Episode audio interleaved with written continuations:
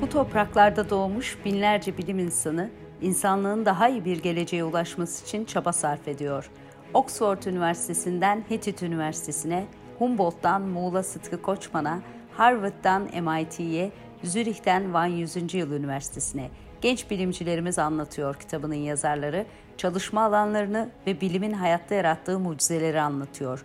Oxford Üniversitesi öğretim üyesi Doktor Emre Eren Korkmaz'ın sunumuyla.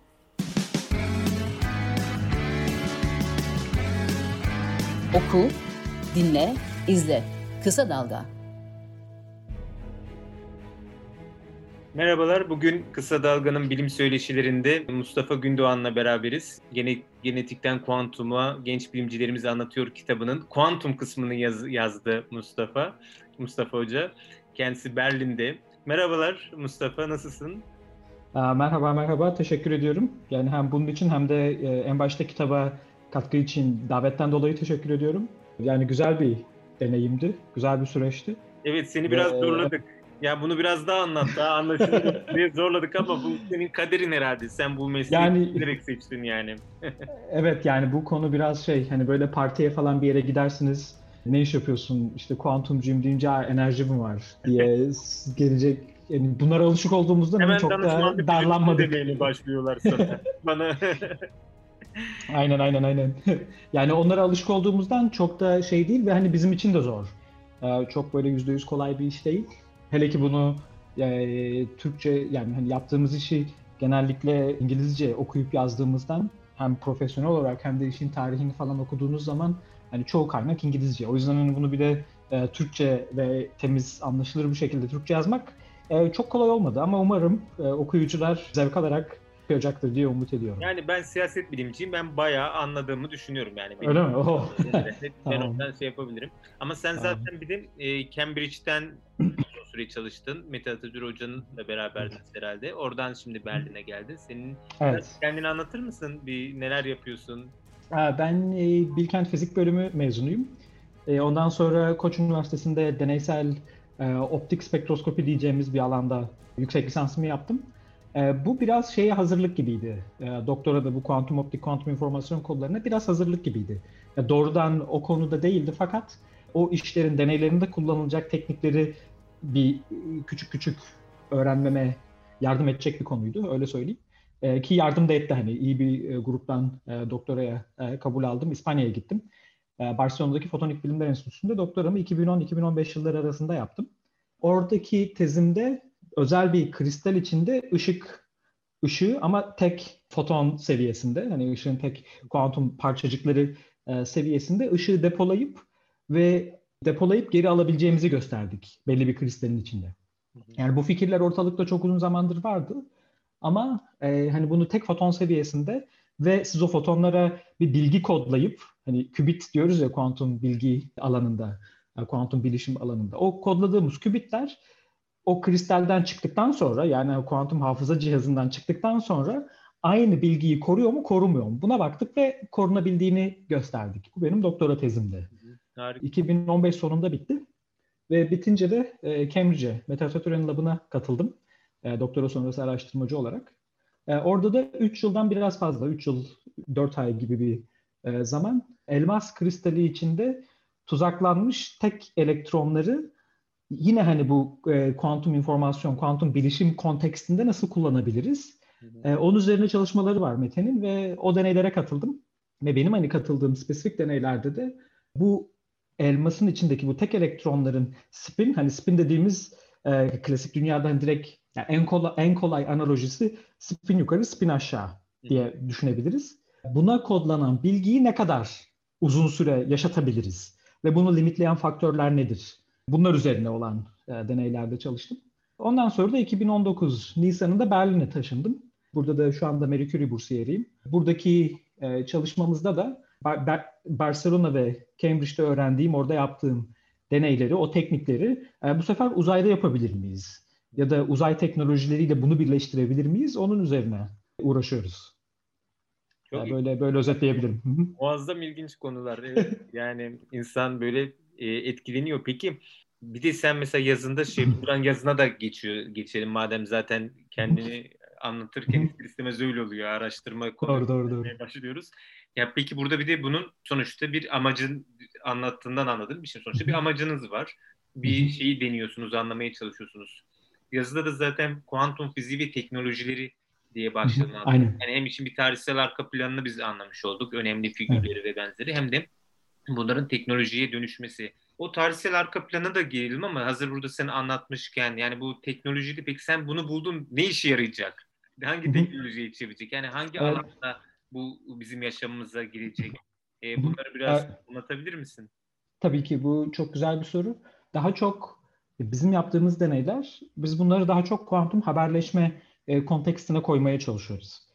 Yani şimdi hep haberlerde de görüyoruz devamlı son birkaç yıldır. Google kuantum bilgisayar yaptığı, Çin e, bir şeyler yaptığı e, vesaire. Ama daha çok bizim gördüğümüz haberlerde e, stres, stres diyeceğim. Yani bas, şey daha çok kuantum bilgisayarlar üzerine. Hı hı. Fakat hani genel mainstream, hani ana akım basının böyle çok da fazla göz önünde de bulundurmadığı bir de kuantum haberleşme tarafı var işin. Bu ikisi birbiriyle çok yakın alakalı ama birbirinden aslında biraz da farklı konular. Ee, biz daha çok işin kuantum haberleşme tarafındayız. Ee, peki burada bu deneyler ne işe yarayacak? Ya da kuantum haberleşme dediğimiz şey nedir en başta? En başta bugünkü klasik haberleşme sistemine baktığınızda bu haberleşmeyi optik fiberler üzerinden yapıyorsunuz. Değil mi? Lazerlerle hatta. Ee, özel dalga boylarında çalışan lazerlerle. Buradan mesela ikimiz konuşuyoruz. Bu, bu sinyaller çok uzun optik fiberlerde gidiyor. Değişik modülatörlerden, lazerlerden geçiyor vesaire vesaire. Şimdi ama buradaki bir sıkıntı klasik komünikasyon için ben sana sinyal gönderirken bu sinyal, bu lazerin uh, puls ya, ya da lazerin atımları bu, e, bu sinyal fiber içinde, optik fiber içinde belli bir yerden sonra azalıyor sinyalin gücü.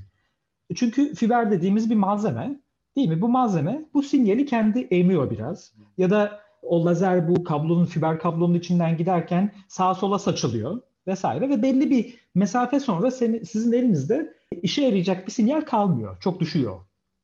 Ama bunu bu problemi çözmek için her tam bilmiyorum hani kesin ne kadar ama 10-20 kilometre olması lazım. Belli bir mesafede bir yükseltgeç koyuyorsunuz. O sinyal azaldıkça bir dedektörünüz var onu görüyor ve ondan sonra başka bir lazer var o yükseltgecin içinde. Aynı sinyali tekrar ateşliyor size ama daha yüksek bir seviyede tabii. Ve böyle sinyalini sizin azaldıkça hop yükseltiyorsunuz. Tekrar yük, yükseltiyorsunuz belli bir süre sonra. Ve böyle böyle uzak mesafeyi kat edebiliyorsunuz siz. Tamam çok güzel. Hani çok mantıklı bir sistem. Yani daha ne yapabilirsiniz değil mi? Ama işler kuantum fiziğine geldiği zaman biraz değişiyor. E, kuantum haberleşmede e, bu haberleşmeyi siz tek tek fotonlarla yapmanız gerektiği için tek fotonu ölçüp aynı kuantum durumu yani ya, ya da o kuant o fotonun taşıdığı kuantum durumu kopyalayıp tekrar oluşturmanız deterministik olarak mümkün değil. Çünkü siz bir ölçüm yaptığınız zaman bu kuantum fiziğindeki süperpozisyon diyoruz ya. E, mesela 0-1 olsun. Ben fotonuma 0-1 eşit olasılıkla kodlamış olayım. Ama ölçüm yaptığımda 0 çıkacak. Ve ben bilmeyeceğim aslında hani o ilk baştaki süperpozisyonu bozmuş olacağım daha doğrusu. Ve o yüzden bu tip bir yükseltgeç koymak kuantum haberleşme için mümkün değil. Ve o yüzden direkt haberleşme limiti yani hiçbir trik yapmadan yani doğrudan ben tek fotonları gönderiyorum e, karşıda birisi dedektörüyle bunları okuyor. Bu limit fiberlerde şu anda 500 kilometre civarında.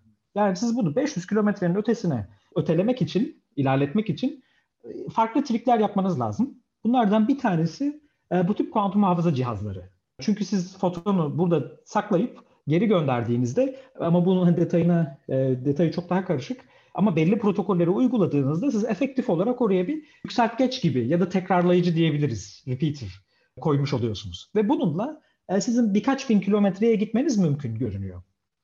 Ama global seviyeye gitmek için işte 10 bin kilometre, 20 bin kilometreye çıkmak için bu tip kuantum tekrarlayıcılar onlar da limitli. Onlar da 4-5 bin kilometreye kadar limitli. Farklı bir, birkaç tip var aslında. Fiberlerle çalışan ve bütün küresel bir mesafeyi e, kat edebilecek e, mimariler var. Teorik e, öneriler var.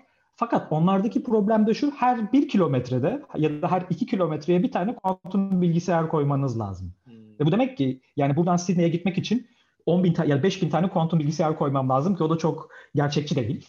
Yani o yüzden onu o, o fikri bir elimine edersek bizim hesapladığımız şu anda bizim hani üzerinde kafa yorduğumuz konu şey yapmak. Bunları fiberlerden değil de bu kuantum hafızaları hani fiberlerle birbirine bağlamak yerine uzaya gönderelim. Uzayda birbirine bağlayalım. Çünkü bunu uzaya gönderdiğinizde bu sefer e, şeyi bypass ediyorsunuz. Dedim ya optik fiberler sinyali emiyor, sinyal kayboluyor. Uzayda böyle bir emilim yok. Değil mi? Yani uzay boşluk aslında. Ve o yüzden siz çok daha uzak mesafelere gitmeniz mümkün. Ve biz çok basit bir hesap yapmıştık geçen sene.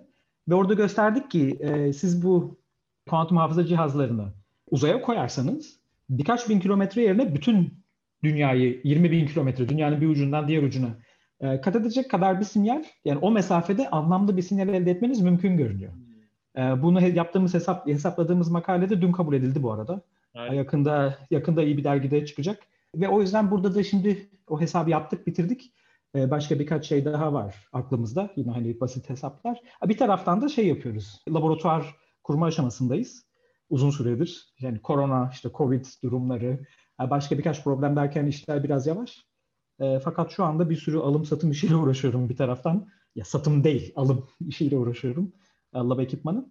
E, laboratuvarda kuracağımız deneylerde de şey göstermek istiyoruz. Bize para veren kurumlara demek için bakın bu teknoloji uzayda çalışabilecek e, gibi hani uzaya gönderilebilecek küçüklükte, kompaktlıkta bir deney ve o deneyde de bu tip bir hafıza cihazı e, göstermeyi planlıyoruz. Bayağı çığır açacak bir çalışma yani bunun başarısı değil mi? Yani çığır hani bazı insanlar için evet. Yani çünkü yani günlük hayatımızda bizi ne kadar etkileyecek o konuda çok emin değilim. Çünkü yani baktığınızda aslında Avrupa gibi bir kıtasal ölçekte bu işimize büyük ihtimal yaramayacak. Yani daha basit çözümler mümkün birkaç bin kilometre için. Bu kadar büyük mesafede bunu hani kim kullanacak? Gerçekten kullanılacak mı? Bunu çok şu anda spekülasyon yapmak istemiyorum ama çok da emin değilim. Ama askeri hani şey teknoloji, askeri teknolojide kullanılıyor. O mümkün olabilir. Yani mümkün olabilir derken aklıma gelen birkaç uygulamadan birisi o. Fakat onun da dışında hani bu e, bir temel yani bir nevi bir temel bilim ya da bir mühendislik problemi olarak bile ilginç aslında. Yani ben dünyanın bu ucundan diğer ucuna bir kuantum sinyal göndermek istiyorum. Bunu nasıl yaparım? Yani bu başlı başına bir açık bir problem gibi görünüyor bu zaten. Gezegenler arasında mümkün olabilir mi bu madem uzay imkanı var? Onun için de aslında iki hafta sonra NASA'nın workshop'una katılacağız. NASA'nın şöyle bir fikri var. NASA yakın zamanda 10 yıl içinde ya da yani bu yakın bir zamanda e, Ay'a geri dönme planları yapıyor ve bunun için bir sürü ihaleleri var. Şimdi hani hangi şirkete galiba geçenlerde Ay'a astronotları indirecek gemi için bir şirkete ihaleyi falan da verdiler. Hatta öyle çok büyük bir e, planı var NASA'nın. Ama zamanında Apollo gittiğinde 1969 ile 72 arasında onlar o astronotlar Ay yörüngesine girdiler. Ondan sonra hop aşağı indiler belli bir zaman sonra. Geminin yarısını Ay yörüngesinde bıraktılar. Oradan ayrılıp aşağı indiler. Fakat şimdi NASA'nın bu yeni planı daha uzun soluklu olduğu için e, bunlar şey düşünüyorlar. Oradan da Mars'a gideriz gibi. Ya da bu sistem bizi e, Mars'a gitmek için eğitecek gibi. Hani oradan bir tecrübe kazanmak istiyorlar. Ve o yüzden e, planları bu sefer daha ciddi ve Ay yörüngesinde şimdiki uluslararası uzay istasyonuna benzeyen kalıcı bir uzay istasyonu yapma niyetleri var. Buradan astronotlar Ay'a gidecek. Ayda önce Ay yörüngesindeki istasyona ne diyorlar? E, kenetlenecek. Orada biraz zaman geçirecek, oradan aşağı inecekler. Şimdi oradaki planlarından birisi de o, o istasyonla dünya arasında bir optik link kurmak. Lazer komünikasyon linki kurmak. Çünkü şimdiki haberleşme daha çok mikrodalgayla ya da radyo dalgalarıyla yapılıyor. Ama son yine 5-10 yıldır belki daha fazladır uzay ve dünya arasında ya da uydular arasında lazer iletişim. Bu klasik tamamen. Burada kuantum hiçbir şey yok şimdilik. Lazer komünikasyona bakıyorlar. Ve baktı, gösterdiler ki aslında bu çok daha hızlı olabilir. Ve böyle bir plan varken NASA'daki JPL, Jet Propulsion Laboratuvarı, laboratuvarı ve onlar da dedi ki madem bizim Ay ile Dünya arasında optik bir linkimiz olacak, bir bağlantımız olacak. E biz oradan tek tek foton da gönderebiliriz o linki kullanarak. Hı hı. Ve o yüzden şimdi NASA şey yapmak istiyor. Ay ile dünya arasında bu tip büyük kuantum deneyleri yapmak istiyor. Ve burada e, olay sadece Ay ile dünya arasında kuantum kriptolojiye zaten gerek yok. Çünkü arada sizin sinyalinizi çalacak kimse yok Ay'da yani. Hani Ay'da sizin senin astronotun olacak. Seni dinleyecek yabancı biri belki olmayacak. Yani o çok öncelik değil. Ama orada onların önceliği bu tip bir bunun adı da şey Deep Space Quantum Link e, diye geçiyor şimdi. Derin uzay kuantum e, e, ağı ya da e, bağlantısı. Orada yapmak istedikleri şey aslında çok daha temel bilim ya da işin felsefe tarafına da girecek. Çünkü bu sefer şey yapacaklar. Ben buradan Ay'a bir tane tek foton gönderdiğim zaman buradan o tek fotonun gitmesi bir saniyeden birazcık fazla bir zaman alacak. Ve bu sefer sizin orada Ay'daki astronot kendisi şeyi seçebilecek. O foton uçarken yolda düşünüp ben nasıl bir ölçüm yapmak istiyorum. Hani fotonu böyle mi ölçeceğim, böyle mi ölçeceğim? Bunun random olması lazım çünkü belli gelişi güzel olması lazım bu ölçümün kuantum mekaniğini test etmek için. Buradan da şeyi test etmek istiyorlar. Özgür irade kavramını. Çünkü foton yoldayken astronot karar verecek ona. Hani ne kadar gelişi güzel bir şekilde karar verecek vesaire vesaire. Hani şimdi uzattım biraz ama. o zaman belki sonra seni uzayda da görebileceğiz. Beni değil ama umarım bir 5-10 yıl içinde deneylerimizi oraya doğru ite, öte, iteklemeye çalışıyoruz. Yani burada yaptığımız şeyleri umuyoruz ki bir zaman o fırsat gelirse göndermek isteriz.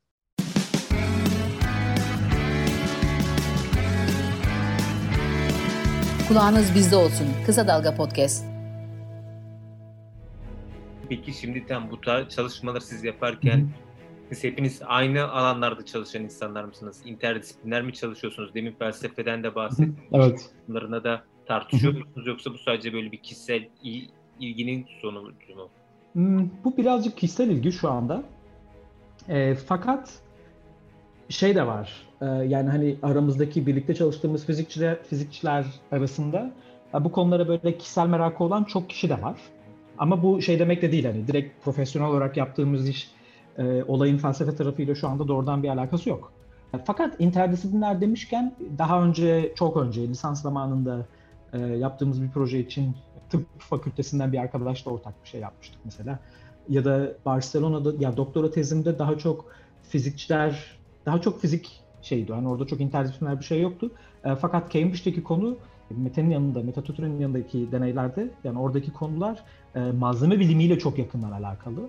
Hatta oradaki grupta yani e, arka planı hani malzeme biliminden gelen öğrenciler, araştırmacılar çalışıyor mesela Cambridge'deki laboratuvarda.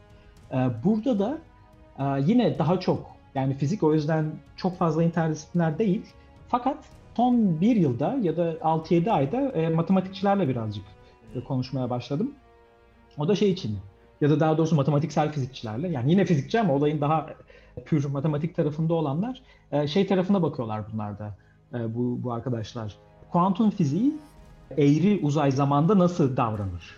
Çünkü bizim bu dünyada yani e, laboratuvarda yer yüzeyindeki yaptığımız deneylerde Einstein'ın bu genel görelilik e, şeylerini hesaba katmıyoruz. Hani kütle çekim çok olduğu zaman uzay zaman bükülür diyoruz ya. Onları hesaba katmıyoruz. Gerek yok yani hani bir flat düz bir background arka planla bunlar hepsi çalışıyor. Güzel bir şekilde çalışıyor. Fakat siz bu tip deneyleri uzayda yaptığınız zaman mesela ben bir fotonu buradan alıp Ay'a gönderdiğim zaman bu foton giderken, yolda giderken buradaki gravitasyonel potansiyel farklı. En sonda hedefe gittiğindeki gravitasyonel kütle çekim potansiyeli farklı. Ya dolayısıyla bir eğilmiş bir uzay zamandan geçerek gidecek. Ve orada bu uzay zamanın eğilmiş yapısı fotona ki foton da kuantum bir parçacık nasıl bir etkisi olacak? Onu bozacak mı? O kuantum durumu bozacak mı? Ee, bir iki arkadaşlar, ya arkadaşlar, iş arkadaşı diye, diyeyim. Onlar işin bu tarafına bakıyorlar. Biz onlara hani deneysel parametreler hakkında e, bir geri bildirim veriyoruz. Hani onlar hesap yapıyor ama deneyden çok haberleri olmadığı için hani bu mantıklı mı? Hani gerçek dünyada bu yapılır mı falan diye dönüp bize soruyorlar. Hani böyle ortak bir paralelden böyle bir e, işe bakıyoruz şimdilik. Evet bu da ee, çok... Hı-hı. Tabii birçok alanda bu şeyler artık interdisipliner çalışmalar da ön evet. başladı tabii çok bilim. Evet evet evet. Çalışmaların gelişmesi, yaygınlaşması da belki konu evet. ilgiyi de artacak. Belki oradan yeni imkanlar ortaya çıkacak. Doğru doğru doğru. Peki şeye gelelim yani bunlar çok ilginç konular ama bunları Hı-hı. tartışmak veya bunları üzerine çok şey yapmak da biraz zorlu olabiliyor. Sen de aynı zamanda bu popüler bilim alanında çalışmalar da yapıyorsun. Bu kitap da bu alanda yapılan bir katkıydı zaten. bu alanda özellikle Türkçe popüler bilimciliği noktasında senin gözlemlerin neler? İlgin, ilgi nasıl? Yani bir, bir, çok sayıda site var, platform var, evet. şey var. Hani çok güzel çalışmalar yapılıyor. Sen nasıl gözlemliyorsun? Yani benim kendi kişisel yaklaşımım buna hem yani birebir kendi hayatımda diğer insan bu işe meraklı olup bana bize işte soru soran arkadaşlar olsun ya da internette Emre'yle yaptığımız bir podcast vardı ona hala dönemedim. O oradaki yaklaşım olsun. Birazcık şey gibi. Hani bu kuantum fiziği çok böyle e, bilerek ya da bilmeyerek suistimal edilen bir konu. Suistimale açık bir konu. Hep böyle clickbait diyeceğimiz şeyleri çok görüyoruz. İşte ışıktan hızlı e, haberleşme, işte beyinler arası kuantum haberleşme. Yani biraz aslında benim kişisel yaklaşımım şey, e, bunları biraz demistifiye etmek. Yani bakın arkadaşlar, şimdi tamam kuantum fiziği tamam biraz anlaşılmaz bir şey hafif. Yani değişik bir şey tamam ama böyle çok kişinin dediği kadar da değil gibi e, bir şey demek istiyorum. Ama ya tabii ki hani bu kuantum fiziğindeki bir sürü şeyi anlamıyoruz. Yani bu şey demek istemiyorum. Ya bu anladık bitti gitti gibi bir şey demek istemiyorum kesinlikle. Fakat bunları böyle demistifiye, e, pardon, çok böyle bir şey bir havanın arkasında e, tütsülü mü diyeceğim böyle bir gizemli böyle sisli puslu puslu demek istedim pardon öyle bir sisin pusun arkasına saklamaktansa olayın tarihsel tarafını birazcık o yüzden seviyorum. Yani tarihsel olarak nasıl çıktı bu işler? Böyle böyle böyle böyle çıktı. Yani bu insanlar kafadan e, oturup bir gün ah tamam e, matris mekaniğini yazıyorum demedi. Ve o yüzden şey de e, birazcık yapmaya çalıştım. Bilmiyorum ne kadar başarabildim kitapta. E, klasik fizikle 19. Ee, yüzyıl sonu fizikle kuantum fiziğinin bağlantısı o yüzden çok önemli. Yani kuantum fiziğinde kullanılan Hamiltonian mekaniği diyoruz, Hamiltonian e, diye şeyler ya da Lagrangian diyoruz ya da başka matematiksel teknikler. Bunların aslında hepsi matematiksel olarak klasik mekanikte zaten var. Yani bu e, tamamen uzaydan gelmiş bir şey değil. Yani uzaydan e, yani uzaylıların getirdiği bizim daha önce hiçbir şekilde bilmediğimiz bir şey değil. Konseptler çok yeni. Tamam tamamen belirsizlik ilkesi olsun vesaire e, süperpozisyon diyoruz. Bu konseptler çok yeni fakat klasik fizikten de tamamen kopuk değil anlamak için. Onu, yani onu, onu demek istiyorum. Birikimin üstüne gelişip e, ortaya çıkan sorular sonuçta değil mi? O Hı-hı. mevcut şey. Zaten aslında bilimin her dalında böyle bir şey var yani o o mevcut birikim e, üzerinden tartışılıyor. Belki geçen bir bu aşı üzerine patent tartışmalarında Hı-hı. da o şey vardı yani ya da mülkiyet meselesinde de o gündem. Yani Hı-hı. tamam ben bu fikri buldum ama o fikrin gelişmesine kadar o kadar büyük katkılar var ki, o kadar büyük çalışmalar var ki sizden yani onun nereden başladığını ve senin nerede bitirdiğini şey yapmak mümkün değil veya sen onu hani ben tamam bitirdim bu nokta benimdir demen. Aynen. Yani burada bir sürü aslında e, tartışma konusu var. Yani bunlar hem politik tartışma konuları hem felsefi tartışma konuları. Aynen. Ondan aynen, aynen. de bir anda bir, hani diyorum ki bunu siz bu sonra bir anda patentleyip bizi böyle totaliter bir rejime sürükleyecek bir güce ulaşıp yani, yani oradaki çizgiyi çekmek çok kolay değil gerçekten.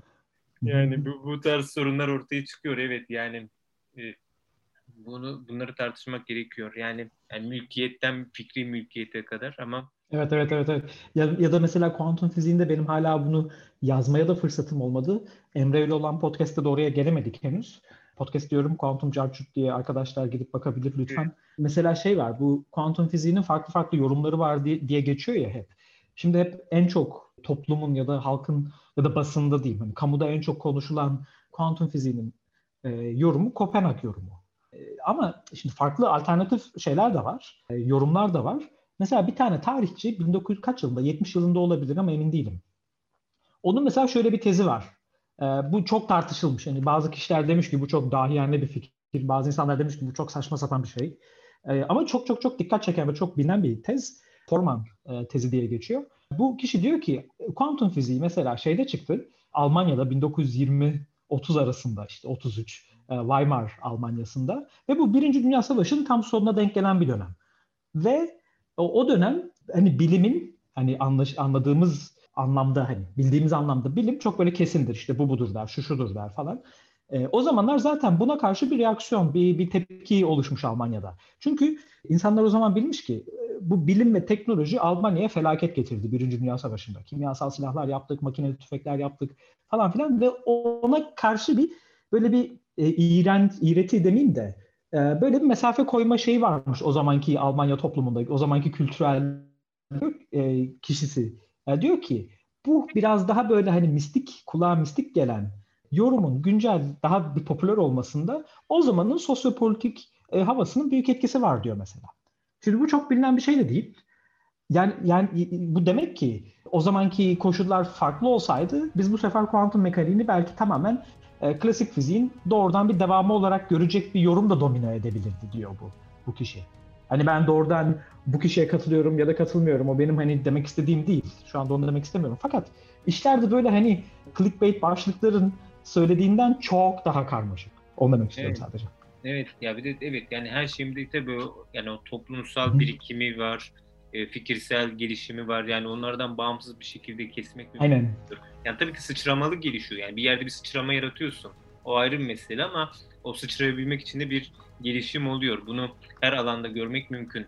Çok teşekkür ediyorum. Gayet Aynen. güzel verimli bir görüşme oldu. Evet, ben teşekkür ediyorum. Uzun uzun konuşmak mümkün olur. Umarım bundan sonra başka çalışmalar da olur. Ama Evet, sen evet. de şimdi hem yeni bir workshop'a hazırlanacaksın hem babalık iznine çıkacaksın. Evet. De farklı gündemlerim var. Evet evet aynen. Ee, o zaman çok teşekkür ediyorum. Bundan sonra da görüşmek dileğiyle. Çok sevgiler. Çok ben ben ben teşekkür ediyorum. Sağlıcakla.